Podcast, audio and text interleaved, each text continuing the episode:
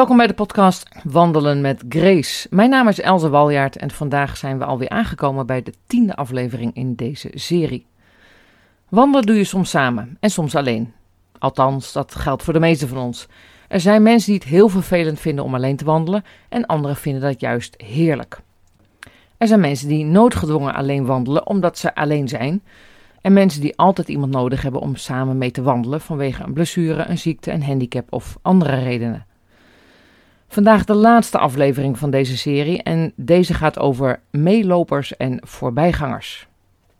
In alle wandelingen die Grace en ik hebben gemaakt zijn we heel wat mensen tegengekomen. Voorbijgangers. Zo hebben we bijvoorbeeld onderweg twee tienermeisjes geholpen wiens hond was ontsnapt. Ik wist de hond uiteindelijk te lokken met mijn appel en vast te pakken bij de halsband en aan de meiden terug te geven. En een andere keer kwamen we een man tegen die was gevallen en waar we een tijdje bij zijn gebleven totdat de hulp kwam opdagen. Met regelmaat konden we mensen helpen de weg te vinden, omdat ik internetverbinding had en via GPS de route kon vinden. Bij tussenstops maakten we regelmatig een kletspraatje met andere pauzeerders of we zwaaiden even als we een bekende tegenkwamen. En ook wij hebben wel eens aan andere wandelaars gevraagd of we op de juiste route zaten naar een specifieke locatie. Allemaal voorbijgangers. Kortstondig contact. En zeker leuk ter afwisseling en voor de vrolijkheid. En het gaf voldoening als wij voorbijgangers konden helpen. Dan zijn er ook meelopers. Soms liep een van de kinderen van Grace een stuk mee of een vriendin van ons. Dan ga je intensiever met elkaar om en bespreek je meer persoonlijke dingen. Je wordt deel van de groep. Dat geeft een andere dynamiek. Ter afwisseling was dat soms heel fijn, alhoewel Grace en ik eigenlijk altijd wel genoeg gesprekstof hadden. Dat kan liggen aan het feit dat we vrouwen zijn. Samenwandelen is sowieso een ideale manier van praten. Je bent letterlijk onderweg, je beweegt in het leven, je kan onderweg jezelf even afleiden door de natuur. Er is meer ontspanning omdat je elkaar niet aankijkt, althans niet oog in oog. Je loopt naast elkaar, wat al meer verbindt dan op een stoel tegenover elkaar. En als het goed is, pak je elkaars ritme op waar alle mate van eenheid, verbondenheid in zit. De reden dat ik bezig ben om wandelcoach te worden. Ik praat al ruim 30 jaar met jongeren en ouderen en de beste manier is voor mij toch wel al wandelend. Voor meer informatie over mijn wandelcoaching en wandelevenementen verwijs ik jullie naar mijn website woordactief.nl. Binnenkort komen daar de mogelijkheden en evenementen online te staan. woordactief.nl.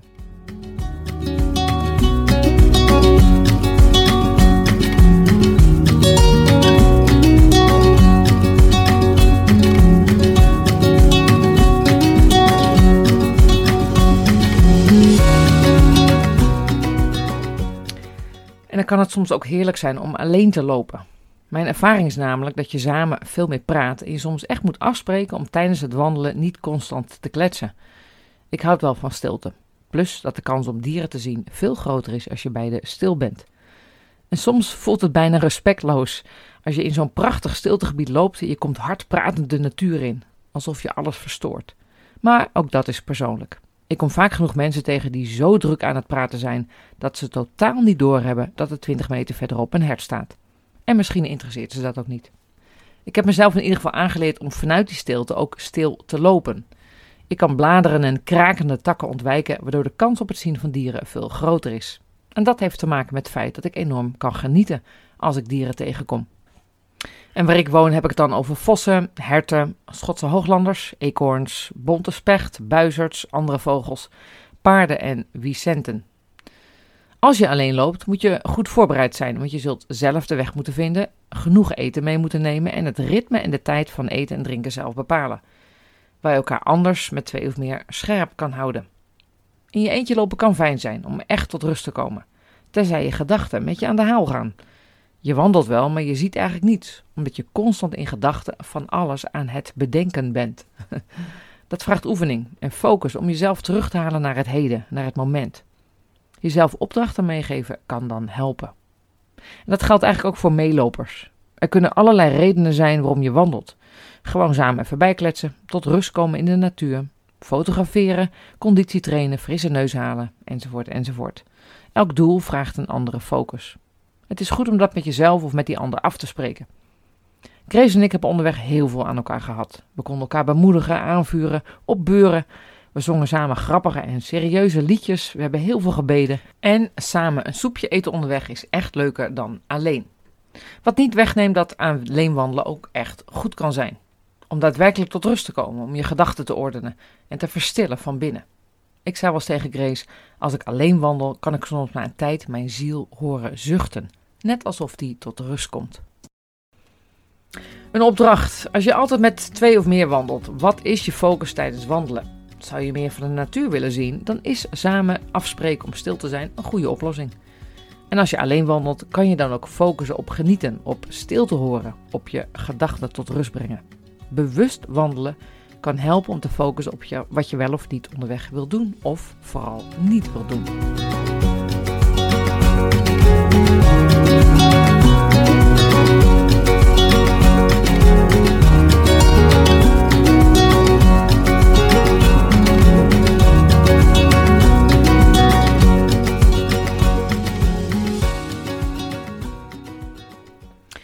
Voorbijgangers en meelopers in ons geestelijk leven.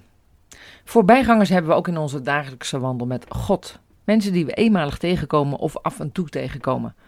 Dat zijn soms van die goddelijke ontmoetingen, die eenmalig kunnen zijn, maar ook kunnen uitlopen tot een meeloper en een vriend voor het leven. Voorbijgangers zijn er soms om ons te bemoedigen, te steunen, aan te moedigen. Of voorbijgangers die we tegenkomen en kunnen helpen door ze de weg te wijzen, door ze te helpen te vinden wat ze zijn kwijtgeraakt. Door bij ze te blijven als ze gewond zijn geraakt en ze gewoon te helpen. Soms vraagt God ons wel eens tijdens een wandeling met Hem een andere route te nemen, waarvan we niet begrijpen waarom we die kant op moeten. Maar dan kan het zijn om die ene voorbijganger te ontmoeten die ons nodig heeft, of die wij nodig hebben. Er staan met twee mooie voorbeelden in de Bijbel. Er staat van Jezus in Johannes 4, in vers 4, er staat hij moest door Samaria en kwam in de stad Sigar in Samaria. En het is daar dat Jezus die Samaritaanse vrouw ontmoet bij de put. En dan staat er in Lucas 23, op het moment dat Jezus zijn eigen kruis draagt en onderweg is naar Golgotha, dan staat er: Onderweg dwongen de soldaten een zekere Simon van Cyrene, die net van het land kwam, het kruis achter hem aan te dragen. Dat zijn geen toevalligheden, dat iemand daar precies loopt op het moment dat hij daar nodig is. Die toevallige voorbijgangers passen gewoon perfect in Gods plan.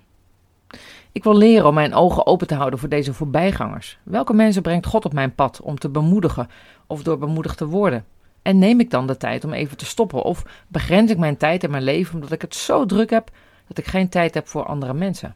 Hoe vol zit mijn agenda en hoe gefocust ben ik soms op mezelf en mijn routine en mijn route dat ik niet die extra omweg wil maken? Terwijl God een plan heeft bedacht voor twee mensen om elkaar te ontmoeten. Zo groot is God. Hij kan zelfs een tegenslag voor mij gebruiken om juist iemand anders te ontmoeten.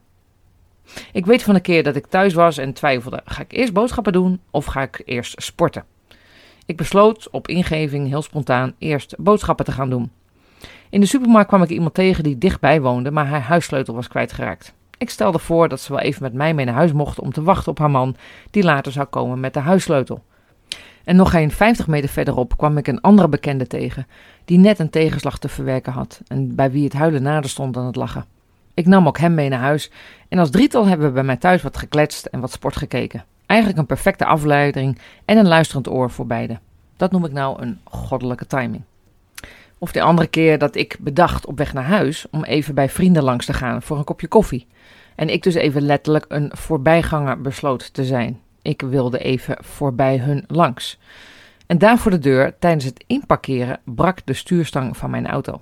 Had ik verder gereden, was de kans groot dat die was gebroken tijdens het rijden en waren de gevolgen wel wat ernstiger geweest. Zij konden mij nu helpen en ik was even de voorbijganger die zelf geholpen werd. De andere kant is ook waar, we kunnen namelijk ons enorm laten afleiden door mensen die we onderweg tegenkomen en die ons eigenlijk van de route weghouden of ons doen stagneren in onze wandel met God. Psalm 18, vers 19 is een leuke tekst. Nou ja, leuk. Toen het slecht met mij ging, liepen zij mij voor de voeten. Maar de Heere was een steun voor mij.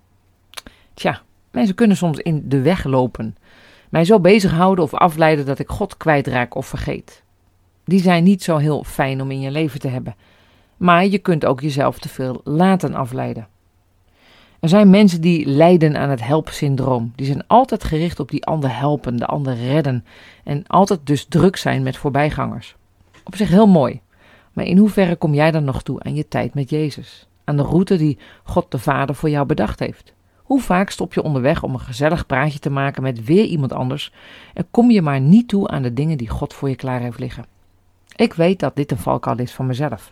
Ik ben met een studie bezig waarvan ik geloof dat die past in Gods plan voor mijn leven, zodat ik anderen kan helpen dichter bij Jezus en bij zichzelf uit te komen. Maar tussendoor gebeurt er van alles wat ook best goed is. Voorbijgangers die hulp nodig hebben. Waarvan ik weet dat vele contacten best goed zijn en dat het van God is of kan zijn om te helpen. Maar het gevaar is dat ik daardoor niet toekom aan mijn studie. En dan is het soms prioriteit te stellen. Met in mijn achterhoofd dat grotere plan wat ik voor ogen wil houden samen met vader.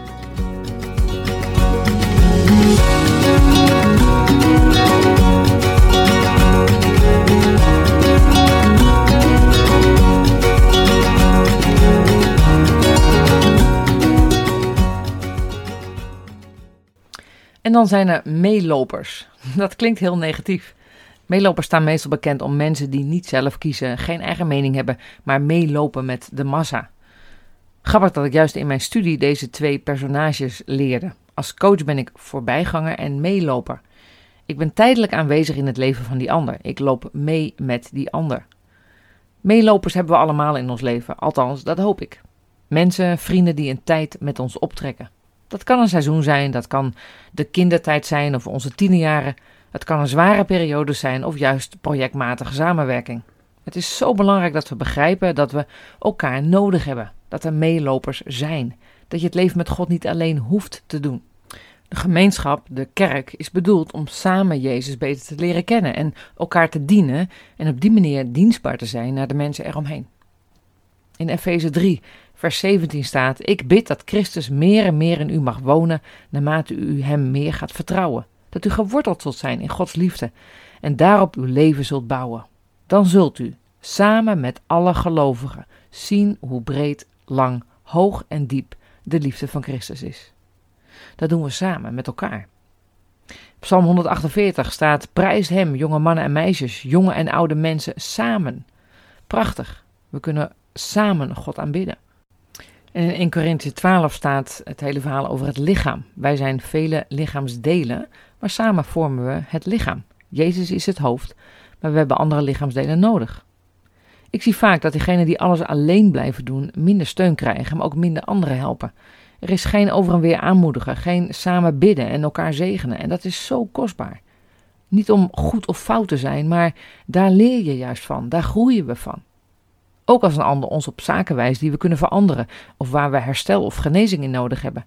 Die band van vertrouwen en het samen optrekken is volgens mij ook hoe God het bedoeld heeft. En als er één moment is waarom we ontdekken dat het leven draait om relaties, is het nu al in coronatijd. COVID-19, de pandemie houdt velen in lockdown. We mogen minder mensen zien. En dan kan je het nog zo rijk hebben en een mooi huis en een mooie baan hebben. Maar als je niemand mag aanraken, niemand mag ontmoeten, mag knuffelen, mag liefhebben, ontbreekt er echt iets in ons leven. We zijn geschapen voor relaties. En dat maakt het leven vol. God nodig hebben, God liefhebben boven alles, maar zeker mijn naaste als mijzelf. Ik ben God in ieder geval dankbaar voor meelopers in mijn leven. En ook hier weer, net als bij de voorbijgangers, een let op. Want er zijn ook meelopers die geen initiatief nemen, die inderdaad lekker makkelijk volgen, geen verantwoordelijkheid nemen voor hun eigen leven. Ze geven iedereen de schuld, lopen weg van de een, komen samen bij de ander die ook tegen van alles is. Ze geven iedereen de schuld en lopen weg van de een die volgens hun ongelijk heeft en komen graag samen bij de ander die ook vooral tegen is. Het ligt altijd aan die ander. Maar dan zet je jezelf klem. Dan wordt je leven geleid door de nukken en door de keuzes van anderen. God wil naast ons lopen, met ons optrekken en ons helpen in keuzes. Om niet per se ergens tegen te zijn, maar zoals de Bijbel zegt: wat u wilt dat u geschiet, doet dat aan een ander. En niet, zoals de maatschappij het heeft omgedraaid, wat u niet wilt dat u geschiet, doet dat ook een ander niet. Dat is niet de oorsprong. De oorsprong is wat wel. Hoe kunnen we elkaar versterken? Hoe kan ik de ander dienen zodat hij of zij sterker wordt, ontwikkelt, dichter bij Jezus komt? Met wie mag ik een tijd optrekken zodat we elkaar kunnen versterken en kunnen opbouwen? En vader, help mij om niet uit een soort van schuldgevoel te lang met iemand mee te lopen of mee te nemen die mij weghoudt van uw plannen. U staat boven alles.